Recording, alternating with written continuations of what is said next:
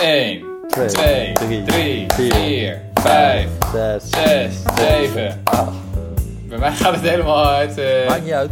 Maakt niet uit. Romane kan er vast iets van brouwen. dames en heren. Jongens, wat leuk om jou weer te treffen. Dit is, eh, kunnen we toch wel eerlijk eh, toegeven. Dit is nu de derde keer dat ik je spreek over dit onderwerp. Ja, inderdaad. Lieve luisteraars van de Rudy en Freddy Show, welkom bij de thuiswerk-editie. Eh, de corona-editie, die, eh, nou, ik kan wel zeggen, een eh, kleine catastrofe is. we hebben net, wat is het, anderhalf uur zitten podcasten. Oh, Onze gedachten, onze frustraties, onze Emoties. en verlangens gedeeld. onze gevoelens. En toen eh, was jij vergeten jouw kant van de, het gesprek op te nemen. Nou ja, wacht heel even. Ik werd gebeld door een eindredacteur die ik bij deze graag de schuld zou willen geven. En daardoor ging deze hele houtje-touwtje constructie met eh, dictafoons op iPhones, eh, die ging helemaal eh, de soep inlopen. En daar is het volgens mij toch fout gegaan bij die eindredacteur Ja, en ja, niet bij mij. Maar Dat is misschien ook wel goed de luisteraars dit weten. We nemen op met onze iPhone. Het leek ons toch goed even ja, te, te praten, te spreken. ja, Ehm, we gaan gewoon alle spontaniteit gaan we gewoon acteren, Ja. denk ik. Ik denk dat we dat Ik- goed kunnen. dat- je gewoon zegt van, staat nou, maar, hè, oh, maar, oh, Oh. dat is interessant. ja, Eh, en volgens mij begonnen we, eh, een van de vele eerste versies van deze podcast, begonnen we met de constatering dat we allebei een beetje in shock zijn, zoals de hele wereld nu. ja, Eh, maar dat je echt denkt van, wat is er in vredesnaam aan de hand? Iedere dag lijkt er een jaar te verstrijken of een decennium. ja, Ik bedoel, de laatste podcast die we maakten, wat is het? Een week geleden? ja, Het lijkt echt een eeuw geleden. ja. Eh, dat is wel goed om te zeggen dat we nu... Het is vandaag dinsdag, hè? We nemen dinsdag op. 15 uur 51. Ja, inderdaad. Het is eigenlijk een soort van podcast dagboek. Ja. Want eh, informatie dateert nogal snel in deze tijd. Ehm, maar ik was dus ja, vorige week maandag op boekentour in Duitsland. En ja, ik was iedereen elleboog aan het geven. Maar het voelde echt awkward. Want heel veel mensen kwamen gewoon met uitgestoken handen naar me toe. En die keken me echt raar aan van... Oh, ben je zo... eh, weet je wel, heb je smetvrees of zo? Waar ben je bang voor? Ja, ja, ja. En het was echt fascinerend om te merken hoe dat ging vers- eh, verschuiven in de dagen daarna. Dus op woensdag was het al acceptabeler en op donderdag deed iedereen het. Ja, En op vrijdag was het zo van, eh, ja, snel naar huis en zo. En de, de, de helft van die boekentour is ook gecanceld. nee, maar Maar je zag het ook bij, bij, bij eh, Rutte, de pre- onze premier. Dat het in het begin was nog een beetje lacheren Ja, over... met dat oh, ja, ja, ja, handgeven. eh, handen schudden. Oh ja, mag der gewoonte, oh foutje. Een paar dagen later al veel ernstiger. En nou ja, nu maandagavond de toespraak tot het volk. dat is... eh, eh, dat je echt denkt, wow, dit heb ik nog nooit eerder meegemaakt. Zoiets, weet je wel. Zo'n moment, dat is voor onze generatie volstrekt nieuw. Nee, Zoiets. nee, precies ja. Nee, dat, eh, dat was de, daarna bij DWDD natuurlijk, waar jij zat. Dat vond ik eh, heel prettig. voor mij ook, voor mijn gevoel van rust. Vo- vond, ik, vond ik het heel, heel fijn dat daar een bekend gezicht zat voor mij. Ja, ja, ja. Maar ehm, daar werd ook gezegd van, eh, dit is een soort van Danel die de natie toespreekt over de oliecrisis of zo. En weet je, dat, Ja, dat, soort, zeker, ja. dat soort dingen, dat, is, dat, ja. dat kan ik me ook niet herinneren. En het was niet Ja. eens soort Maar dat van... duurde uiteindelijk korter. In dit geval was het ook niet eens dat ik erom moest lachen of zo.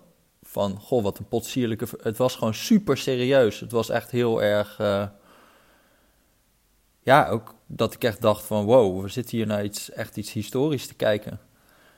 En Ja. ja, ja ik ben wel... Ik ben, en ik moet ook zeggen, ik zit, ik zit hier nu een dag... Wat natuurlijk echt geen reet voorstelt. Maar ik ben wel... Ja, ik voel me nu al niet helemaal eh, op mijn gemak, eerlijk gezegd. Jij hebt natuurlijk ook een vrouw, maar ik word een beetje eenzaam, Rutger. Oh, jongen. En hoewel ik jou nu al wel gewoon... eh, nu al twee keer heb gezien vandaag. En Ja, eigenlijk jou permanent Ja. op Slack heb. ja. En op eh Nee, Skype. ja, ja. Op een misschien moet je op een gegeven moment maar gewoon bij ons intrekken, Jessie. We hebben nog wel een logeerbed voor je. Mag dat nog? Ja, en we gaan, we gaan natuurlijk gewoon lekker veel podcasten. Ja. Eh, want ja, we zeiden het al, informatie dateert snel. Dus misschien is het echt tijd voor bijna een podcastdagboek. ja. Tenzij je elke keer vergeet jouw kant van de zaak op te nemen. Dan weet ik niet hoe lang ik dit vol ga houden. Rutger, Rutger was wel een beetje zagrijnig. En met recht, hè? Nee. Ja, God. ja. ja. Eh, maar de slotsom is natuurlijk dat ehm, er nu dingen mogelijk zijn of dingen moeten gaan gebeuren die volstrekt ondenkbaar zijn in normale economische tijden. Ja. En nou, nou, kan- nou kan ik me herinneren, daar zei je laatst iets heel, daar zei je laatst iets heel intelligents en slims over. Wat was dat ook alweer? Het is heel intelligent en slims over. Nou, ik, eh, ik moet heel eerlijk zeggen Ja. dat als ik, als ik nu... Ik, ik had ook een, dit had ik ook een beetje onderschat. Maar ik zat naar al die, gewoon de data te kijken van dingen Mhm. die er nu gaande zijn. Eh, dit is alweer gisteren, dus eh, dit is ook alweer gedateerd. Maar er waren Mhm. al 300.000 werknemers die een aanvraag hadden gedaan voor werktijdverkorting, voor die deeltijd-WW. Van die gaan nu Mhm. gewoon werkloos worden. Die, dan gaat de overheid gaat een deel van dat salaris betalen. Mhm. Eh, zeg maar tijdens de hele crisis, vorige crisis, hebben er 77.000 werknemers zo'n aanvraag gedaan. Dus we zitten nu al, bi- binnen een week zitten we op gewoon vier keer zoveel. En ik zag vandaag dat het alweer verdubbeld was, het aantal aanvragen. Dus dit, ga- Wow. dus dit, gaat, dit gaat gewoon bizar hard. En het is ook niet zo gek Ja. als je erover nadenkt. Gewoon hele, hele sectoren liggen natuurlijk plat. Gewoon de, de kroegen, de theaters, de sporthallen. Ik kan niet meer klimmen. Jij kan ook niet meer klimmen. Dat is sowieso de meest onverantwoorde sport volgens mij die je op dit moment kan doen. Maar goed, Ja, hele gore sport überhaupt. hele gore sport, ja. En eh, nou ja, gewoon allemaal eh, de ZZP'ers, die valt gewoon hun hele inkomen droog. Ja, het is eigenlijk Ja. gewoon geen enkele sector. Ja, wie, wie gaat er een wasmachine kopen nu? Een auto, een huis? Eh, en, en, en, en welk bedrijf gaat er nu investeren in een nieuw nieuwe materieel, nieuwe machines? Ik bedoel, alles, alles gaat nu, heeft nu een enorme terugval. En, Ja. en ik zat vandaag, vandaag kwamen er ook cijfers eh, soort van uit China. Dat zit al Mhm. sinds eh, januari in quarantaine, dus dat kun je een beetje zien als ons voorland dan. Het is natuurlijk een hele andere economie, maar toch. Ehm, eh, daar had de Goldman Sachs, eh, de grote Amerikaanse zakenbank, die schatten nu van, die gaan in het eerste kwartaal een krimp tegemoet van 9%. En even Wow. 9, 9%, hè, dat is gewoon, ik bedoel, Nederland die kromp tijdens in 2009, dat was een van onze grootste krimp, was, dat was 4% krimp. En China, die heeft al sinds gewoon Mao Zedong, hebben die, eigenlijk zijn die niet meer gekrompen, die zijn lekker doorgekacheld. Die zijn gewoon al, al, al eigenlijk 30, 40 jaar aan het groeien met echt cijfers van 6, 7 procent. Eh, en dan nu in één keer 9 procent krimp. Dat is gewoon, Ja. dus ja, we hebben hier gewoon echt te maken met gewoon eh, een gigantische eh, eh, handrem die wordt aangetrokken. Maar dan moet je dus ook dingen gaan doen die in normale tijden volstrekt ondenkbaar zijn. Ik bedoel, ik heb een tijdje geleden nog een stuk geschreven over wat we eigenlijk zouden doen in reactie op de klimaatcrisis, wat we zouden moeten doen. Eh, en dat ging dan over een oorlogseconomie. Dus Ja. we weten dat tijdens de Tweede Wereldoorlog hebben de Verenigde Staten natuurlijk op gigantische schaal gemobiliseerd. Weet je wel, in no time die hele economie omgebouwd, zodat ze zoveel mogelijk bommenwerpers en tanks en allemaal dingen kon- konden produceren. Dat kan in oorlogstijd, weet je wel. Want dan is het iedereen heeft een collectieve vijand en wilde die naties eh, verslaan. En ook na de oorlog bijvoorbeeld gebeurden er ook dingen die normaaliter ondenkbaar zijn. Weet je, wel, we hebben samen wel eens geschreven over, eh, wat was het, de minister van Financiën, Liefdink Ja, die gigantische belastingen oplegde aan de vermogende Nederlanders. Ja. Waardoor Nederland echt als een veel gelijker land uit de oorlog kwam. Terwijl daarvoor eigenlijk een veel, best wel een relatief ongelijk land was. ja, Dan zijn ineens allerlei dingen denkbaar die normaal gewoon totaal ondenkbaar zijn. Dus ook allerlei ja, economische inzichten, die gaan nu niet meer op, weet je wel. Want heel veel van onze economische inzichten zijn gebaseerd op onderzoek is het van normale tijden. Weet je, het Centraal Planbureau, die maakt modellen en ja, die modellen die zijn gebaseerd op empirisch onderzoek in allerlei landen van over de hele wereld, maar ja, naar economieën die gewoon normaal functioneren in vredestijd. En dan kijken ze bijvoorbeeld van, oké, als je 5% de belasting omgooit, hoeveel gaan mensen dan minder werken? Weet je, dat soort, wat zijn het effect van economische prikkels? ja, Maar het lijkt me dat al dat onderzoek nu waardeloos is. Dat je daar in dit soort tijden niks aan hebt. ja. En dat heel veel economen nu ook met hun handen in hun haar zitten, omdat ze zijn opgeleid voor een periode ja, die niet bestaat. Weet je wel? Ja. Dus je moet. Ook bijvoorbeeld als zoiets, Mhm. ik zag dat eh, ook iemand dat zei, dat vond ik eigenlijk ook wel fascinerend. Kijk, normaal in een recessie, eh, zoals met de grote recessie, hè, dan zijn bijvoorbeeld, eh, dan stoppen mensen met auto's kopen. Ja, dat zal nu ook wel gebeuren. Maar ze kopen echt die grote Mhm. aankopen, die komen allemaal stil te liggen. Ja, ja, Dat ja. zijn sectoren, zoals de autosector, die daar een beetje op zijn ingericht. Die weten dat het cyclisch is. Die weten dat Mhm. ze hun balans er moet uitzien van, ja, we hebben schulden en dan moeten we een beetje rekening mee houden van dat het af en toe in één keer tegen kan vallen. Gaat het nog steeds wel eens mis natuurlijk. Maar wat er nu gebeurt, is ook een gigantische eh, recessie in, zeg, eh, allerlei dienstverlening. In de, in, in de sport, in de, eh, in de horeca. Die, die zijn dat helemaal niet gewend. Die zijn er ook niet op gebouwd dat het zo extreem cyclisch is dat ze in één keer naar nul vliegen. Ja. dus dit, dit is ook gewoon wat dat betreft een vrij unieke recessie. En wat ook nog wel een verschil is met van, kijk, we, we hadden het er ook gisteren al over en vandaag nog een keer, maar gewoon die eh, hele oorlogseconomie. eh, daarbij is natuurlijk het doel, als je een oorlogseconomie hebt, om zo hard mogelijk gas te geven. Om gewoon eh, F-16's eruit te pompen. En, Ja. en nu is natuurlijk het doel om, om eigenlijk de rem aan te trekken. Om gewoon te zorgen dat iedereen, dat het een beetje stil komt te liggen. Dat mensen thuis blijven. Ja, ja, ja. Ja. En dat ja. is toch wel ook een, een, wezenlijk, ander verschil, eh, wezenlijk verschil. En ik denk dat de kern van het probleem nu gewoon is dat we eigenlijk de economische tijd even stil willen zetten. Hè? Maar Mhm. de financiële tijd die loopt altijd gewoon door. Dus eh, je hebt gewoon eh, kroegen die leeg staan. Maar die kroegbaas die moet nog steeds personeel betalen. Die moet huur overmaken. Die heeft misschien schuld om af te lossen. Dus wel Mhm. geen enkele klandizie, maar wel de kosten. Ja, ik zag al dat ze in Spanje het hadden over hypotheken bevriezen. En, en, en dat mensen hun hypotheken niet hoefden te betalen. Nou ja, inderdaad. Weet je? Dus dat je die financiële tijd ook probeert stil te zetten. In die, in die richting eh, kun je het zoeken. Maar dan is natuurlijk ook weer de vraag: wat gaat er dan gebeuren met die mensen die dat weer ontvangen? Dus, Ja. dus wat, wa- want die, die krijgen dan ook in één keer kaststroomproblemen. Je kan het wel bevriezen, maar, maar goed, dat. eh, Dus de grote vraag is eigenlijk van... Ja, hoe hou je al die bedrijven overeind? Enerzijds kan je zeggen van het is een beetje... Je probeert de economie in een coma te brengen. Zodat als de coronacrisis voorbij is... dat je hem weer wakker kan maken en weer verder kan gaan. ja, En wat dat betreft is het misschien ook wel verschillend van een oorlog. Want in een oorlog gaan echt dingen kapot, weet je wel. De steden worden gebombardeerd en die moet je daarna opbouwen. ja, Maar Dat is nu niet het geval. Het is meer, ja, die cafés staan leeg en straks moeten ze weer vol. Aan de andere kant, als bedrijven echt failliet gaan in deze periode, ja, dan gaat er kennis verloren. Dan gaat een hele organisatie verloren. Ja. En dat is natuurlijk wel echt economische schade. En dat wil je zoveel mogelijk voorkomen. Maar dan moet je eigenlijk al die bedrijven aan een gigantisch infuus gaan leggen. ja, ja, ja. Ja, en daar had ik wel een ideetje voor, Rutger. Zoals jij weet. Nou, Nou, daar, daar, gaan we, jongen. Daar gaan we weer. kom maar op.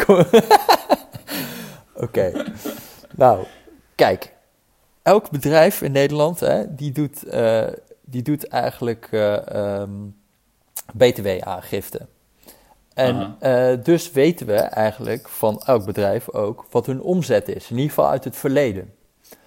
Mhm. Dan is mijn idee als volgt. We gaan aan alle bedrijven, dus gewoon de KLM, de bakker op de hoek, hoek maar ook alle ZZP'ers. Hè, die hebben nu ook een enorm probleem. Al die freelance fotografen, fysiotherapeuten, die, daar valt Ja. het ook helemaal stil.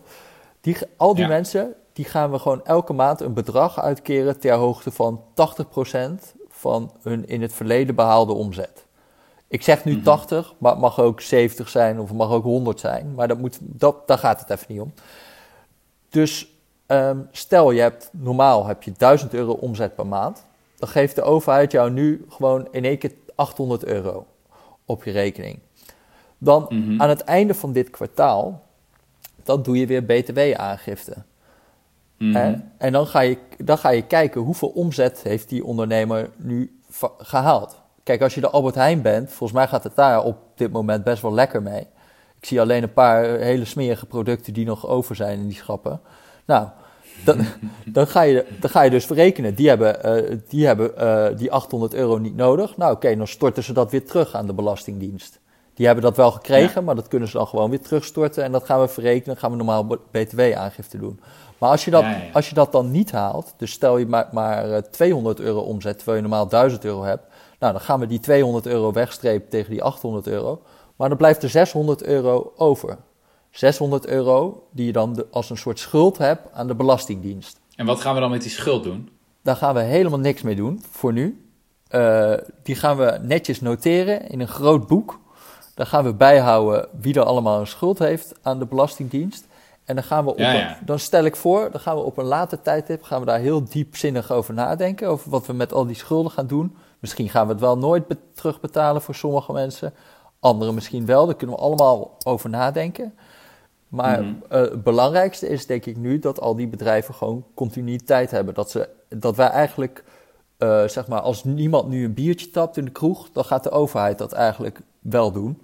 Niet dat biertje fysiek tappen, wel de financiële tap even aanzetten, zodat het gewoon door blijft gaan.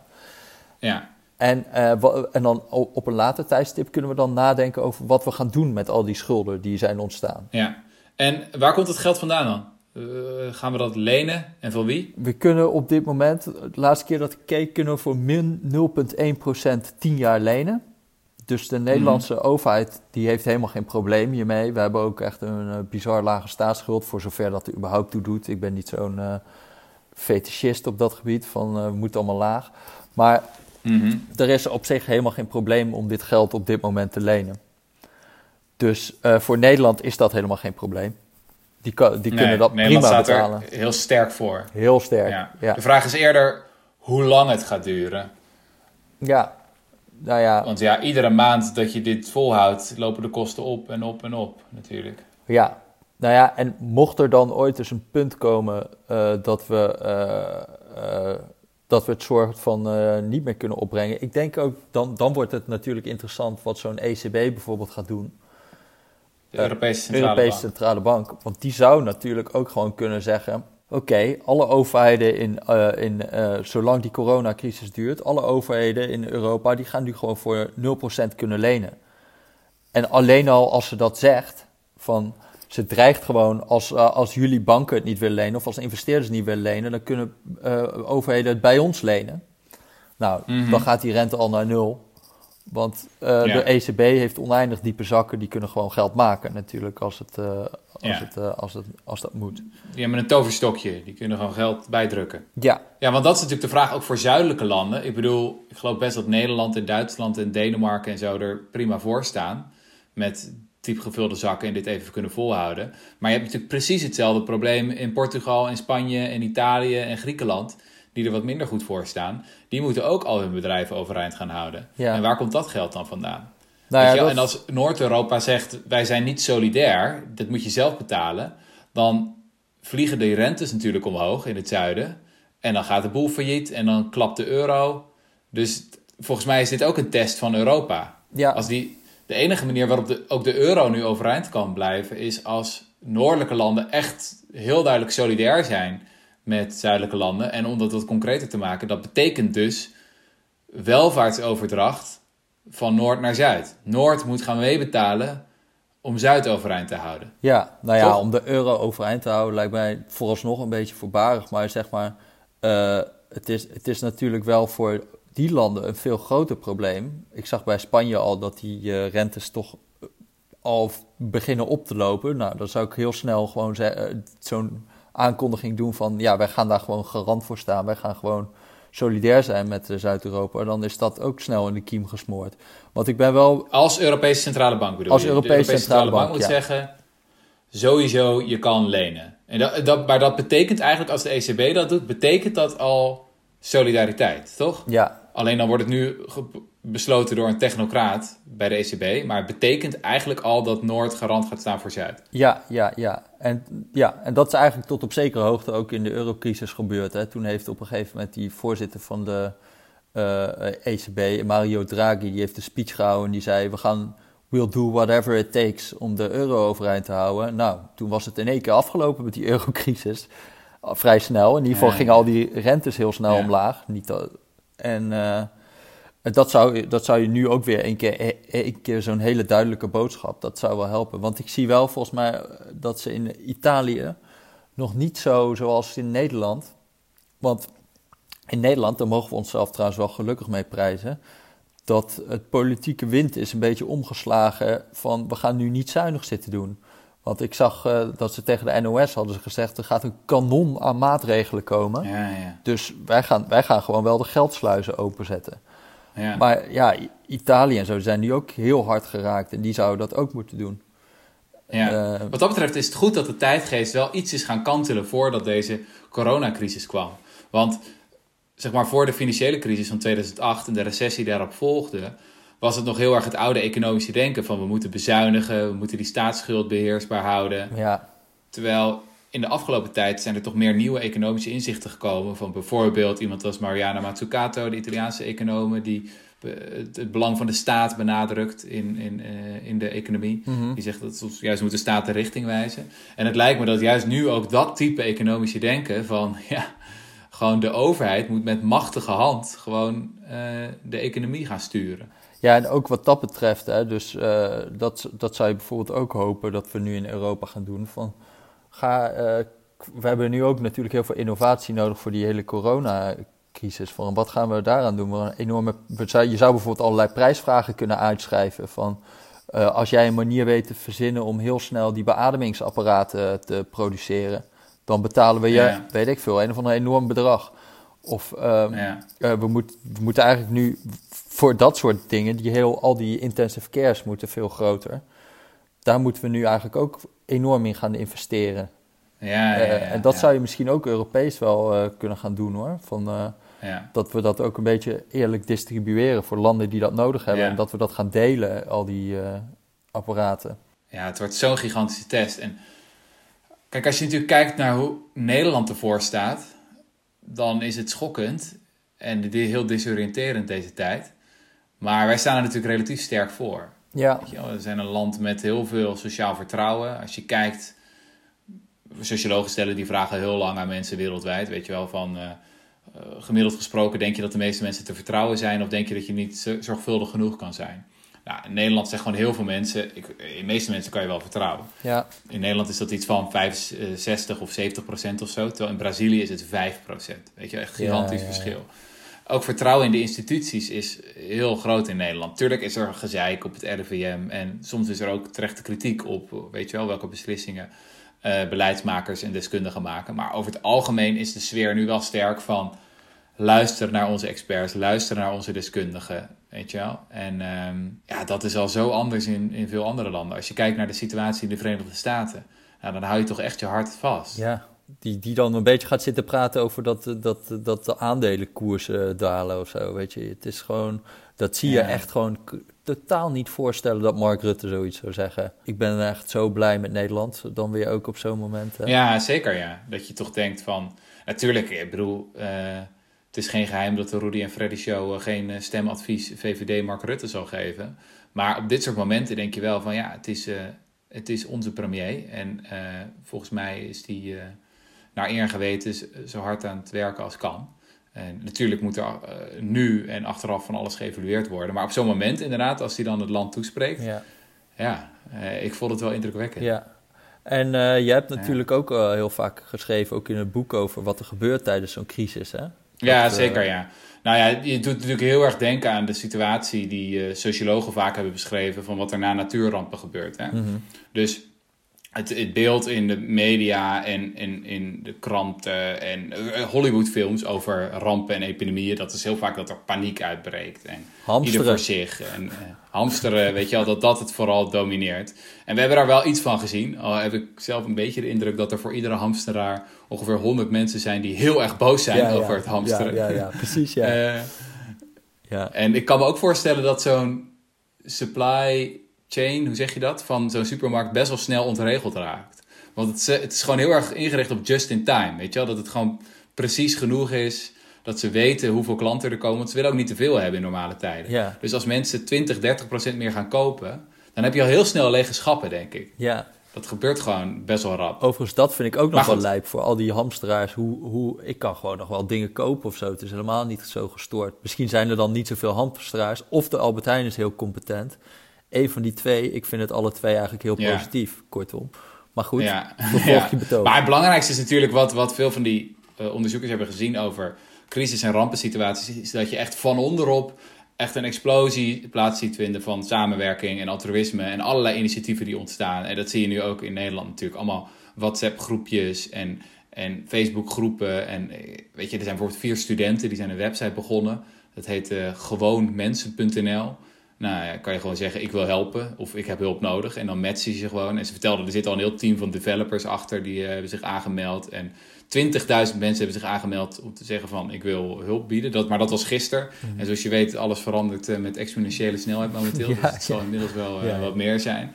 ja. Dus ja, dat is wel fascinerend. Dat je gewoon, ja, het is een soort van de theorie in de praktijk of zo, Ja. die, je- die je nu ziet. maar je voelt het Maar toch ook waar al ik me zorgen jezelf. over maak, Voel je het zelf niet? Ik voel dat zelf ook nu heel erg zo van wow. ja, ja, je hebt heel erg een soort van verlangen om te helpen. Ja, ik heb al de buurman geappt, weet je wel, van hey, kan ik ergens mee helpen? Je zit vrienden te, te appen, weet je wel, die, weet je wel, eh, bijvoorbeeld het misschien moeilijk hebben of druk als ze ook kinderen hebben. Je hebt heel erg behoefte om iets te doen, weet Ja. je wel.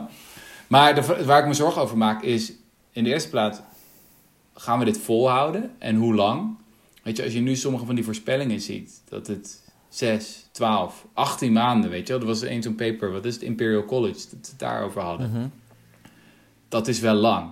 En ik had het al over van Nederland is een relatief sterk land met veel sociaal vertrouwen. Maar wat gaat dit betekenen voor andere landen? We hebben het over de VS gehad, maar kijk ook naar middeninkomenlanden. Mexico, eh, Brazilië, Mhm. waar het sociale vertrouwen veel minder sterk is.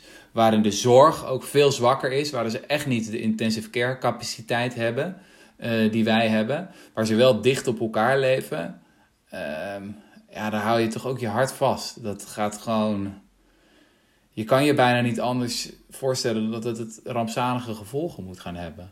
Ja, ja. Dus dat is ook. En als je hier nog langer over doordenkt, gewoon alle implicaties die dit maatschappelijk, cultureel, politiek, economisch zal hebben. Van het aantal echtscheidingen tot het aantal geboortes, tot Ja. het aantal zelfdodingen, tot het, eh, de zingeving die mensen hier ook in kunnen vinden. Ik bedoel, Ja, dat ja. is ook natuurlijk fascinerend. Als je eh, bijvoorbeeld verslagen leest van mensen die de Blitz hebben meegemaakt. Weet je, toen de Duitsers Londen bombardeerden en heel Engeland bombardeerden. En het was natuurlijk een verschrikkelijke tijd. Weet je, duizenden mensen die doodgingen en, en, en eh, tienduizenden gebouwen die werden verwoest. Ehm, maar veel mensen zeiden achteraf dat ze heimwee hadden naar die tijd.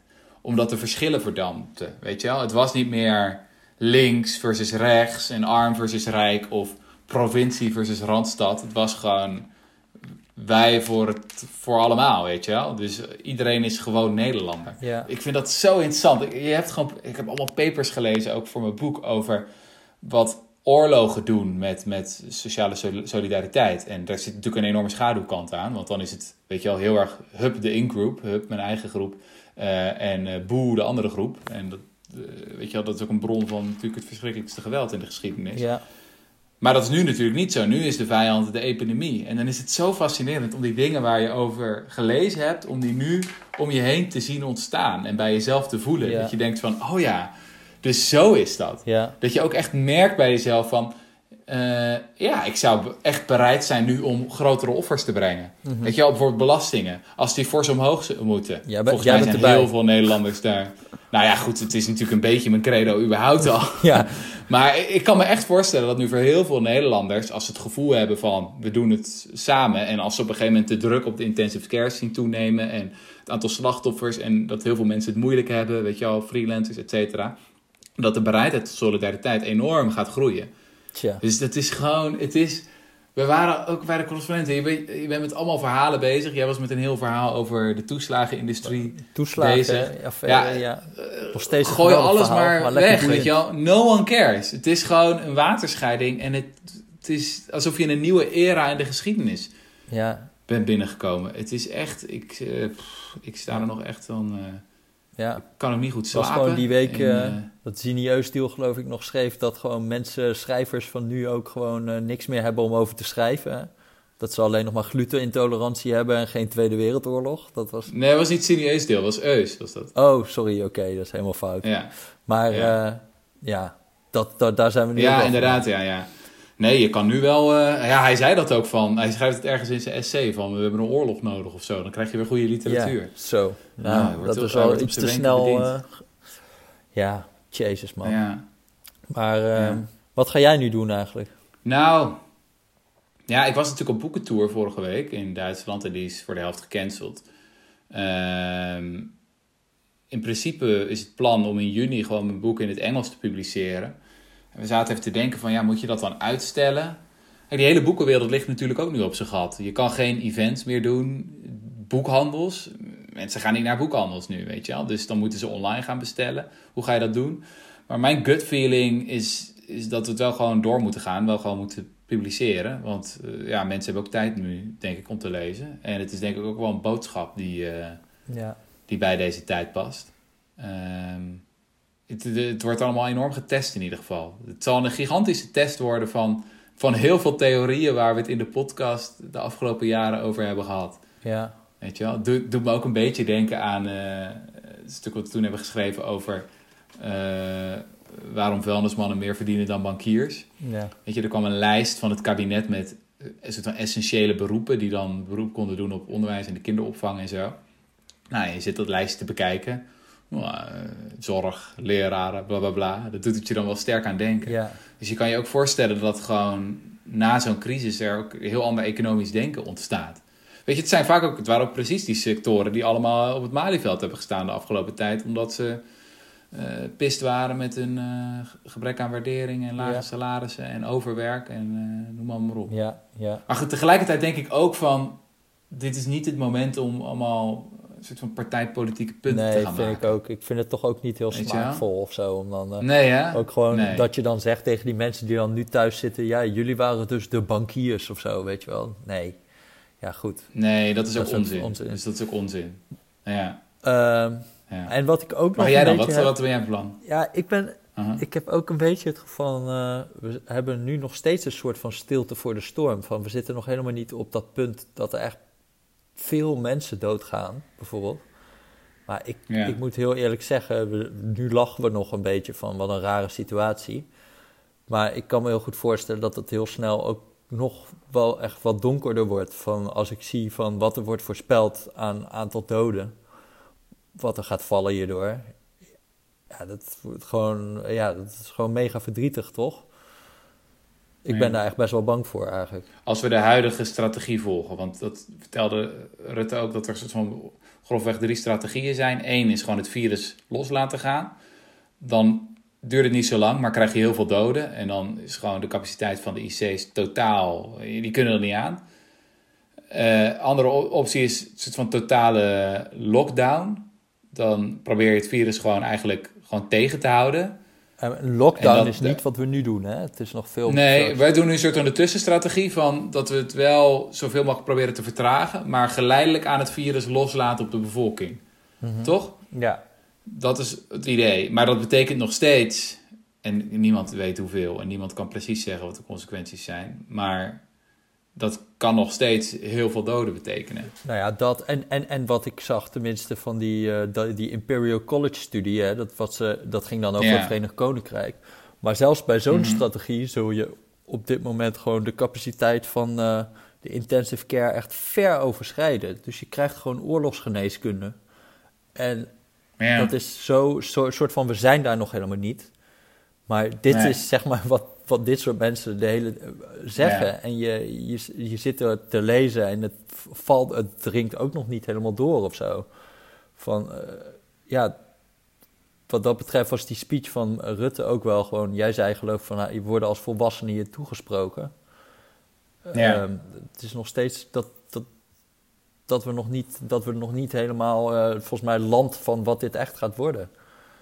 Nee, hè? Nee. Nee. nee, daar moeten we zelf dan misschien ook niet uitspraak over doen. Ik, enerzijds denk ik van, ja, weet je wel, luisteren naar de deskundigen en experts. Maar tegelijkertijd moeten we ook erkennen dat heel veel deskundigen en experts op dit moment ook geen flauw idee hebben. Ja, Weet je wel, het is een unieke situatie.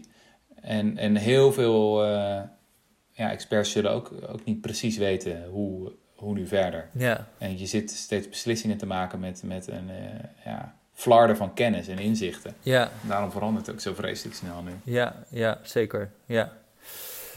Nou ja. Nou, hey, jongen, ehm, we spreken... ik vond het weer genieten. Het was weer Weet genieten. je, de derde keer was het ook gewoon weer leuk. En ik leer altijd weer dingen van je. Ja, het is wel bijzonder, hè? We hebben toch ook wel... Ja. Ja. Laten we het snel nog een keer doen. We laten dit boek, dagboek bijhouden. Eh, en eh, ja, sterkte, hè? Nee, sterkte. Ja, sterkte. En eh, als je een beetje eenzaam wordt daar dan, eh, en, en, en symptoomloos bent, Ja. dan heb ik nog wel een eh, logeerkamer. Oké, dan kom ik wel naar houten fietsen. ja. hey, eh toedeledokies. Dag, dag Rutty. Doei.